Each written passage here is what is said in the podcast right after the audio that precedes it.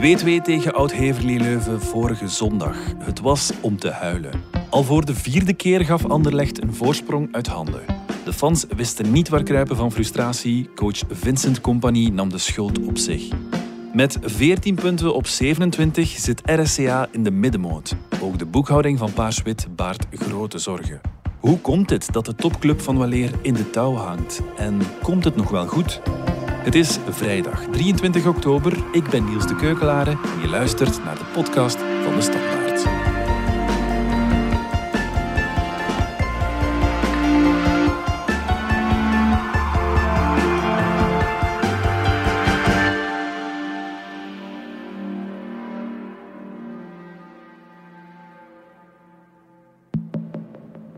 Uiteindelijk uh, zijn wij allemaal paarswitte supporters.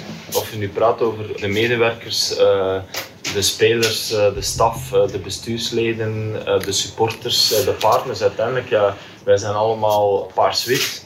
En het gaat niet goed met de club. en, en, en iedereen is daarvan gefrustreerd. Want wij zijn dat ook niet gewoon. Want Anderlecht, dat waren winnaars. Nico Tange, sport- en economiejournalist. Zag je het aankomen afgelopen zondag dat Anderlecht een mooie voorsprong alweer uit handen zou geven? Ja, zelfs toen Anderlecht bij de rust 2-0 voorkwam. Mm. Je, je, voelde gewoon dat het weer ging mislopen. Waar is het fout gelopen? Wel een snelle tegengoal na de rust. Hè. Een weggever van Percy Tau bracht OHL terug in de match. En daarna volgde een eh, voor de Anderlecht supporters inmiddels bekende scenario. Eerst mist Paarse-Wit een aantal kansen om 3-1 uit te lopen en de wedstrijd te beslissen. En daarna straft de tegenstander, dit keer OHL, dit genadeloos af door alsnog gelijk te maken. Hmm. Zitten de lege stadions er ook voor iets tussen? Want zo'n vol stadion, dat kan een speler toch boven zichzelf doen uitstijgen?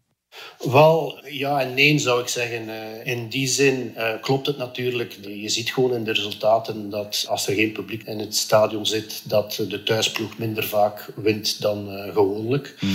Maar ja, voor, voor Anderlecht denk ik maakt het nu niet zoveel uit. In die zin dat ja, Anderlecht er bekend op staat dat ze een zeer kritisch publiek hebben. supporters mhm. eisen niet alleen resultaten, maar ook mooie voetbal. En als die resultaten er niet zijn, dan gaan ze snel fluiten. Dus in die zin denk ik is het voor de vele jonge jongens die in het elftal staan goed dat er niet veel supporters in het stadion zitten of de druk op hen, de psychologische druk, mhm. zou nog groter zijn. Ja, ja. Is het een kwestie van tactiek, denk je, of zitten de spelers intussen ook mentaal in een negatieve vibe? Wel, uh, beiden. Hè. Uh, Compagnie is een coach die altijd wil aanvallen en weigert puur op resultaten te spelen. Dus tactisch gezien probeert hij altijd de wedstrijd te winnen. En gaat hij zelden de wedstrijd op slot doen door verdedigend te gaan spelen. Mhm. Maar met deze jonge, onervaren ploeg is dat heel erg risicovol, hè, zo aanvallend spelen. Heel wat spelers zijn daar psychologisch niet klaar voor. Ze raken verlamd door de stress trekken zich terug uh, op het moment dat de tegenstander een doelpunt maakt en gaan fouten maken. Mm. En het drama is dat nu al bijna elke thuiswedstrijd de tegenstander daar maximaal van profiteert. Ja, wat ongezien is voor Anderlecht. Er zitten amper nog grote namen in het elftal. Hè. Ontbreekt het de ploeg aan kwaliteit? Ja, zeker. Hè. Ik bedoel, eh, je kan daar niet onderuit. Er staat gewoon te weinig kwaliteit en vooral ook te weinig ervaring in de ploeg. Als je dat gaat vergelijken met Club Brugge bijvoorbeeld, de, de huidige landskampioen, daar heb je daar centraal in de as van het veld Mignolet, Van Aken en Vormer. Dat zijn twee dertigers en een gouden schoen van 28. Ja. Zij vinden elkaar niet alleen blindelings, zij hebben ook de ervaring om nieuwe spelers in het elftal te begeleiden, jongeren ook sterker te maken. En dat is iets dat Anderlecht niet heeft. Hè. Bij Anderlecht blijft het zoeken naar zo'n ervaren spelers. Je hebt er eigenlijk maar één en die speelt dan nog nauwelijks. Dat is de Fransman Adrien Trebel. De kern is gewoon niet sterk en vooral niet breed genoeg bij Anderlecht. Hmm. Als iedereen fit is en Trebel kan in het middenveld spelen, valt het niveau nog mee. Maar dit was dit seizoen bijna nooit het geval. Door omstandigheden, onder andere heel veel coronazieken, gebruikt de compagnie dit seizoen al 28 verschillende spelers in zijn elftal. Mhm. Waardoor de ploeg telkens door elkaar gegooid wordt. Als dan ook nog een keer de resultaten tegenvallen, dan wreekt zich dat psychologisch. Mhm. Zeker bij de vele jongeren die in de ploeg gedropt worden. Die verliezen dan het vertrouwen en wie zelf ooit gevoetbald heeft, weet dat vertrouwen uh, heel belangrijk is. Mhm. Is dat wat er moet veranderen, Nico? Meer vertrouwen in het team?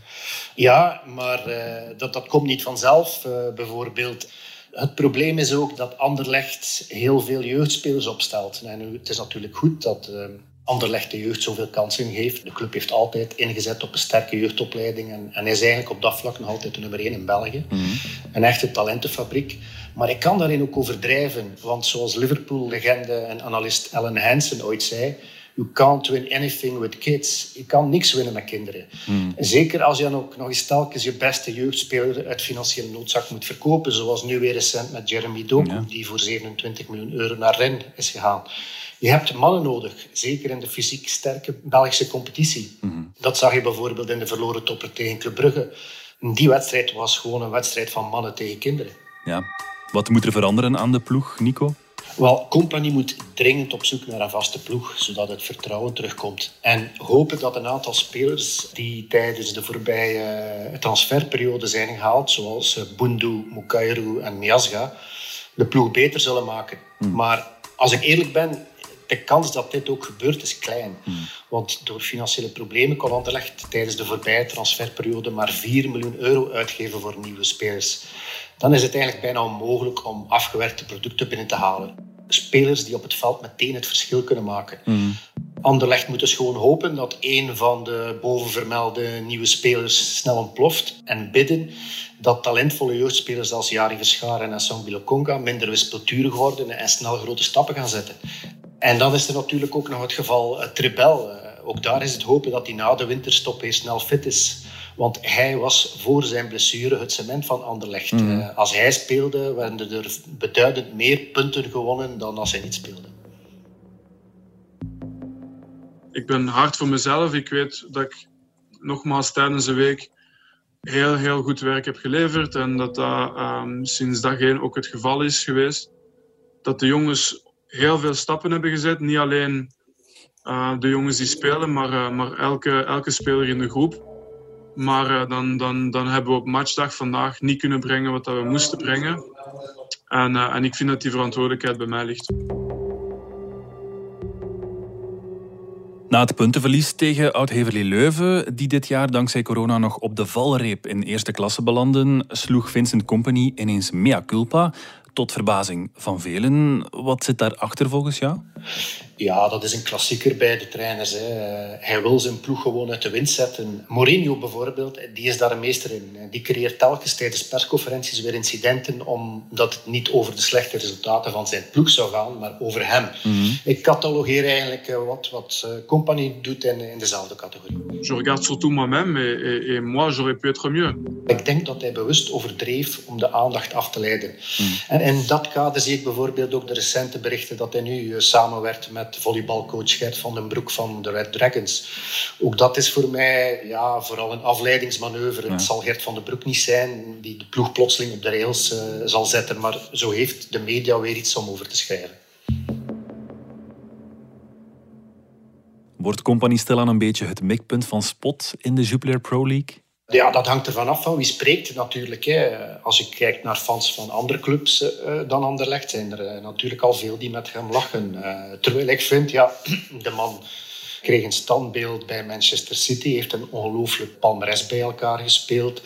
Dus de kritiek die nu al opduikt, vind ik nog ietsje te vroeg. Mm. ik vind, hij heeft een groot risico genomen door terug naar Anderlecht te keren. Mm. Hij steekt eigenlijk bewust uh, zijn hoofd boven het maaival uit. heeft heel eigen ideeën, eh, die natuurlijk uh, vooral geïnspireerd zijn door zijn periode in Manchester City met Pep Guardiola, die ook een heel fris en gedurfd voetbal speelt. Mhm. En die voetbalfilosofie van Compagnie past ook perfect bij het DNA van Anderlecht. Ja. Hij verwoordt eigenlijk waar de supporters van dromen. Alleen het probleem is, de lat ligt veel te hoog op dit moment. Mm. Ik wil gewoon elke wedstrijd winnen. Simpel. De, de, komende vijf matchen, de vijf matchen erna en dan nog eens vijf matchen en opnieuw zo tot op het einde van, van mijn loopbaan als trainer. Ik sta er uh, op geen enkele andere manier in.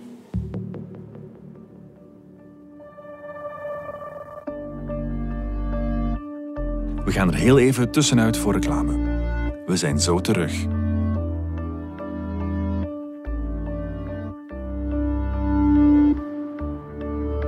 Als je kunt starten met vandaag bij een organisatie gaan zeggen van oké, goed, we gaan dan op van de beslissingen die op managementlagen of op CEO-levels naar beneden of op de werkvloer zetten, ja, gaat er heel veel veranderen. En alles beweegt. Een podcast waarin Vlaamse CEO's en prominente HR-managers vertellen hoe ze hun onderneming en werknemers in beweging houden. Beluister de reeks op jouw favoriete podcast-app. VDHB en alles beweegt.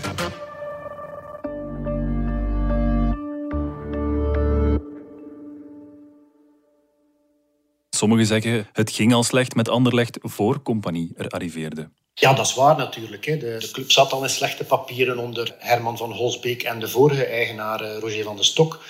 En mede door het uitbetalen van veel te hoge transfercommissies aan heel wat spelersmakelaars bijvoorbeeld, mm. zat uh, Anderlecht vooral financieel toen al in eh, slechte papieren. Maar sportief kon Anderlecht toen nog eigenlijk de problemen verbloemen. Mm. Althans, tot de laatste kampioenstitel hè, onder de Zwitserse trainer René Weiler.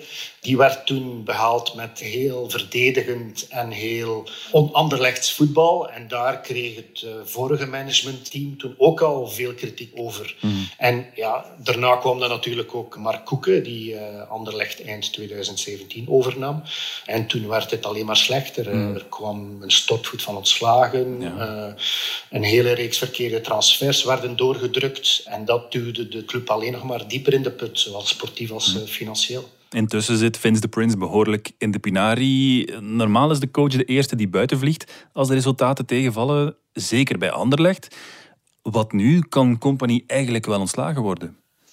Wel, dat ligt moeilijk. Hè? Hij is een icoon die uitstraling heeft ver in het buitenland. Hij is het die Anderlecht voorlopig nog een klein beetje glans geeft in het buitenland.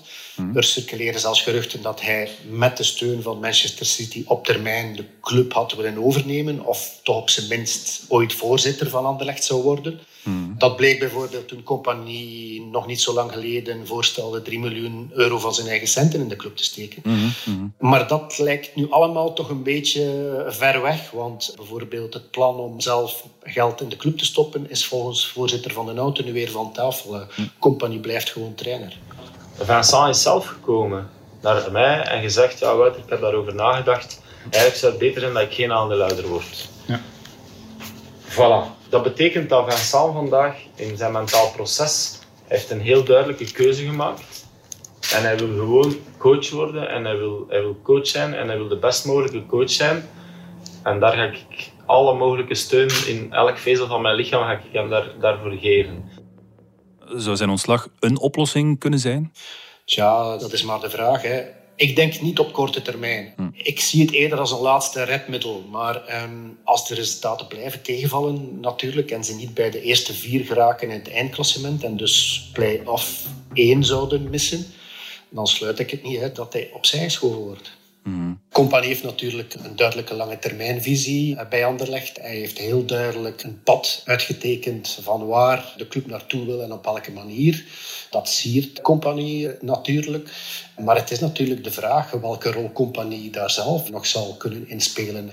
Uh, van den Hout was heel duidelijk. Op het moment dat Compagnie stopte als speler en besloot om zelf trainer te worden van de, van de club, nam hij risico. Van den Hout zei zelf, hij gaat all in, net zoals je tijdens een pokerspel alle chips uh, op de tafel gooit. Ja, hoe dat gaat aflopen uh, is natuurlijk op dit moment onvoorspelbaar. Maar ja, het is wel te hopen dat Anderlecht vasthoudt aan die visie. En ja, de rol die compagnie daar dan de komende jaren zal in spelen, is dan eerder bijzaak.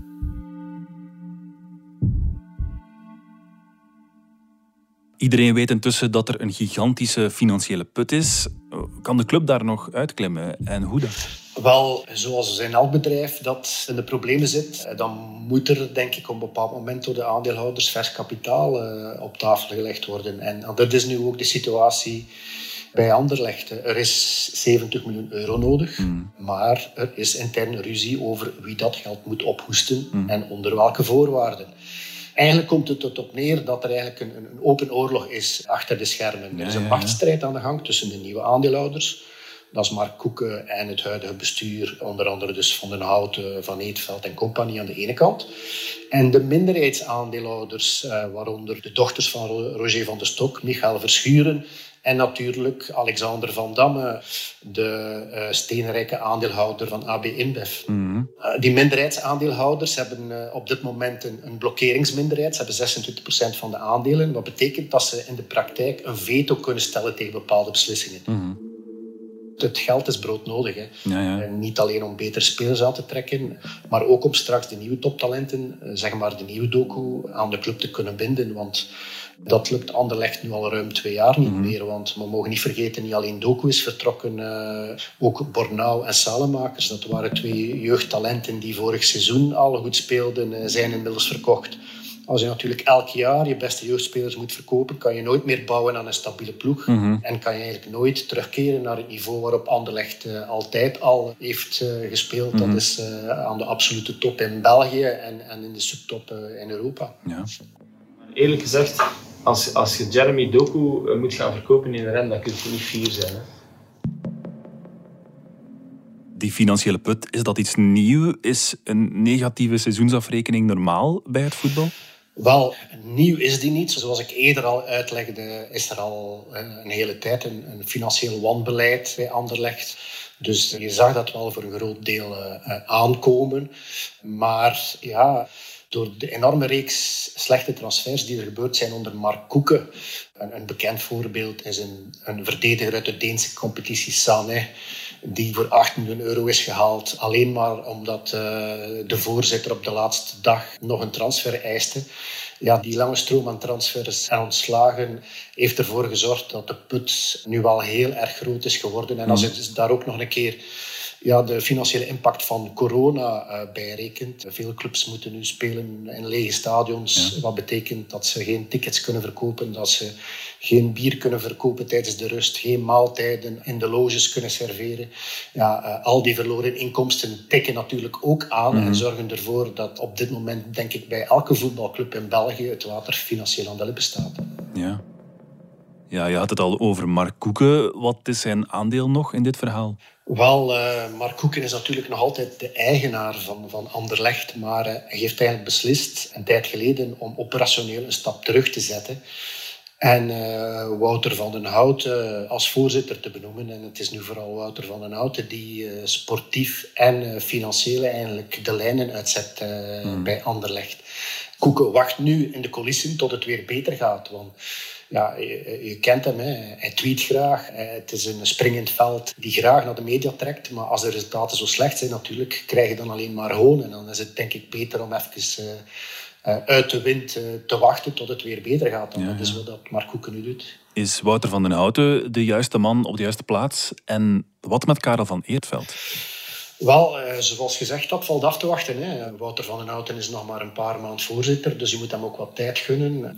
Eh, van Eetveld is eigenlijk gewoon de rechterhand van Van den Houten, die eigenlijk vooral operationeel orde op zaken moet stellen. Eh, het vet moet wegsnijden mm. binnen de club. Om een voorbeeld te geven, Anderlecht is nog altijd de club met veruit het meeste aantal werknemers. Ik denk meer dan 300. In andere clubs ligt dat aantal werknemers veel lager. Dus zij moet kijken naar besparingen van Eerveld. Mhm. Maar uiteindelijk zal het in de eerste plaats nog altijd Van den Houten en natuurlijk voorzitter Mark Koeken zijn die die voorgestelde besparingen moeten goedkeuren. Ja. Maar bon, of dat dus gaat werken, eh, dat is koffiedik kijken. Hè. Mhm. Ik weet wel dat Van den Houten een aardsmoeilijke taak heeft. Hij zit bovenop een vulkaan, het rommelt overal. Bij de fans, bij de aandeelhouders. En als er niet snel gewonnen wordt straks ook weer bij zijn voorzitter en Mark Koeken. Het zou ook niet de eerste voorzitter zijn en ook niet het laatste personeelslid dat Mark Koeken al in een van zijn bedrijven, en zeker bij Anderlecht, door gebrek aan resultaten heeft opzij geschoven. Mhm. Maar ik, ik moet proberen gewoon dat goed te doen en dan... Ja, en als de, resultaten, eh, als de resultaten slecht zijn, dan weet je dat, dat supporters eh, kwaad en ontgoocheld zijn. En, en ja, dan, dan weet je dat, dat je als voorzitter eh, onder vuur komt te liggen. Anderlecht heeft vurige supporters. Dat heeft de club gemeen met bijvoorbeeld Standaard Luik. Het lijkt onvoorstelbaar dat zij dit allemaal laten passeren. Ja, het is inderdaad op eieren lopen, denk ik, eh, op Anderlecht. Zowel voor de supporters als voor iedereen binnen de club. Mhm. De druk is enorm hoog. Veel supporters waren eh, enorm geschrokken van de enorme financiële put die er nu is eh, boven water gekomen. Mhm. Vrezen dat er misschien ooit zelfs een faillissement zit aan te komen. Maar ja, dat geloof ik zelf niet. Ik denk wel dat de club er altijd wel zal uitkomen. Hmm. Nu, uh, als je kijkt naar de ploeg, omdat Compagnie nog altijd aanvallend speelt en heel veel jeugdspelers gebruikt, heeft hij denk ik nog wel een klein beetje krediet. Maar uh, hij is zeker niet untouchable hè, hmm. uh, als trainer. En er zal een moment komen, en ik denk niet dat dat moment nog lang zal duren, maar ook de fans hun geduld gaan kwijtraken. Mhm. Dan vraag ik me af wat er zal gebeuren en, en of de druk op Mark Koeken en de aandeelhouders dan niet enorm groot gaat worden om toch uh, in te grijpen. Mhm. bijvoorbeeld ik zeg maar iets, door dan toch weer geld op tafel te leggen om tijdens de winterstop een, een, een nieuwe speler binnen te halen. Uh, uh, het zal zaak zijn, denk ik, voor het bestuur van Anderlecht om niet in die val te trappen. Want zoals, uh, denk ik, Van den Houten zei in een interview, in het voetbal denkt men veel te snel dat men een probleem kan oplossen met de volgende transfer. Het, het zal structureel moeten gebeuren, stap voor stap. Mm De supporters zullen het wel moeten slikken, want er is geen andere weg, vrees ik. Mm maar Nico, Anderlecht komt altijd terug, zeiden de supporters vroeger als het wat minder ging. Is het realistisch om daar vandaag nog in te geloven voor dit seizoen? Wel, dat gaan we vanavond al zien uh, in de match uh, tegen Kortrijk. Hè, of er al beterschap is. Maar uh, eigenlijk denk ik dat het voor dit seizoen heel moeilijk wordt als ze al uh, de top 4 halen, zal, uh, zal, zullen ze al een, uh, een, een, heel goed seizoen gedraaid hebben. veel meer zit er niet in, denk ik. Mm. En, en ook dat is lang nog niet zeker. Mm. Maar op langere termijn denk ik zeker wel. Hè. Je moet gewoon kijken naar de fundamenten van de club. Het is nog altijd de populairste club van België. Als je kijkt gewoon ook naar de marketinginkomsten ja, dan doet Anderlecht het nog altijd veel beter dan bijvoorbeeld Club Brugge, hè, die ook uh, bijzonder goed draait. Maar als je alleen maar kijkt naar al die grote bedrijven die hun hoofdkantoren in Brussel hebben gevestigd, ja, dan blijft er een gigantisch potentieel aanwezig om, om daar weer de grootste club van België eh, van te maken. Hmm.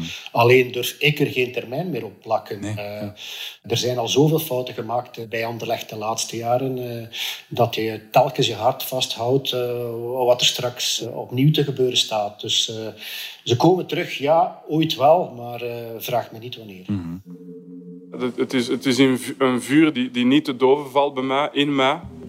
En, en mijn bedoeling was altijd om hier um, te komen om, om, die, om en een ziel en een identiteit terug te brengen en resultaat. En niet alleen maar resultaat, want dat kunnen misschien anderen ook doen. Nico Tange, dankjewel. Graag gedaan. Dit was de podcast van de Standaard. Bedankt voor het luisteren. Wil je reageren? Dat kan via podcast.standaard.be. Alle credits vind je op standaard.be-podcast. Morgen zijn we er opnieuw.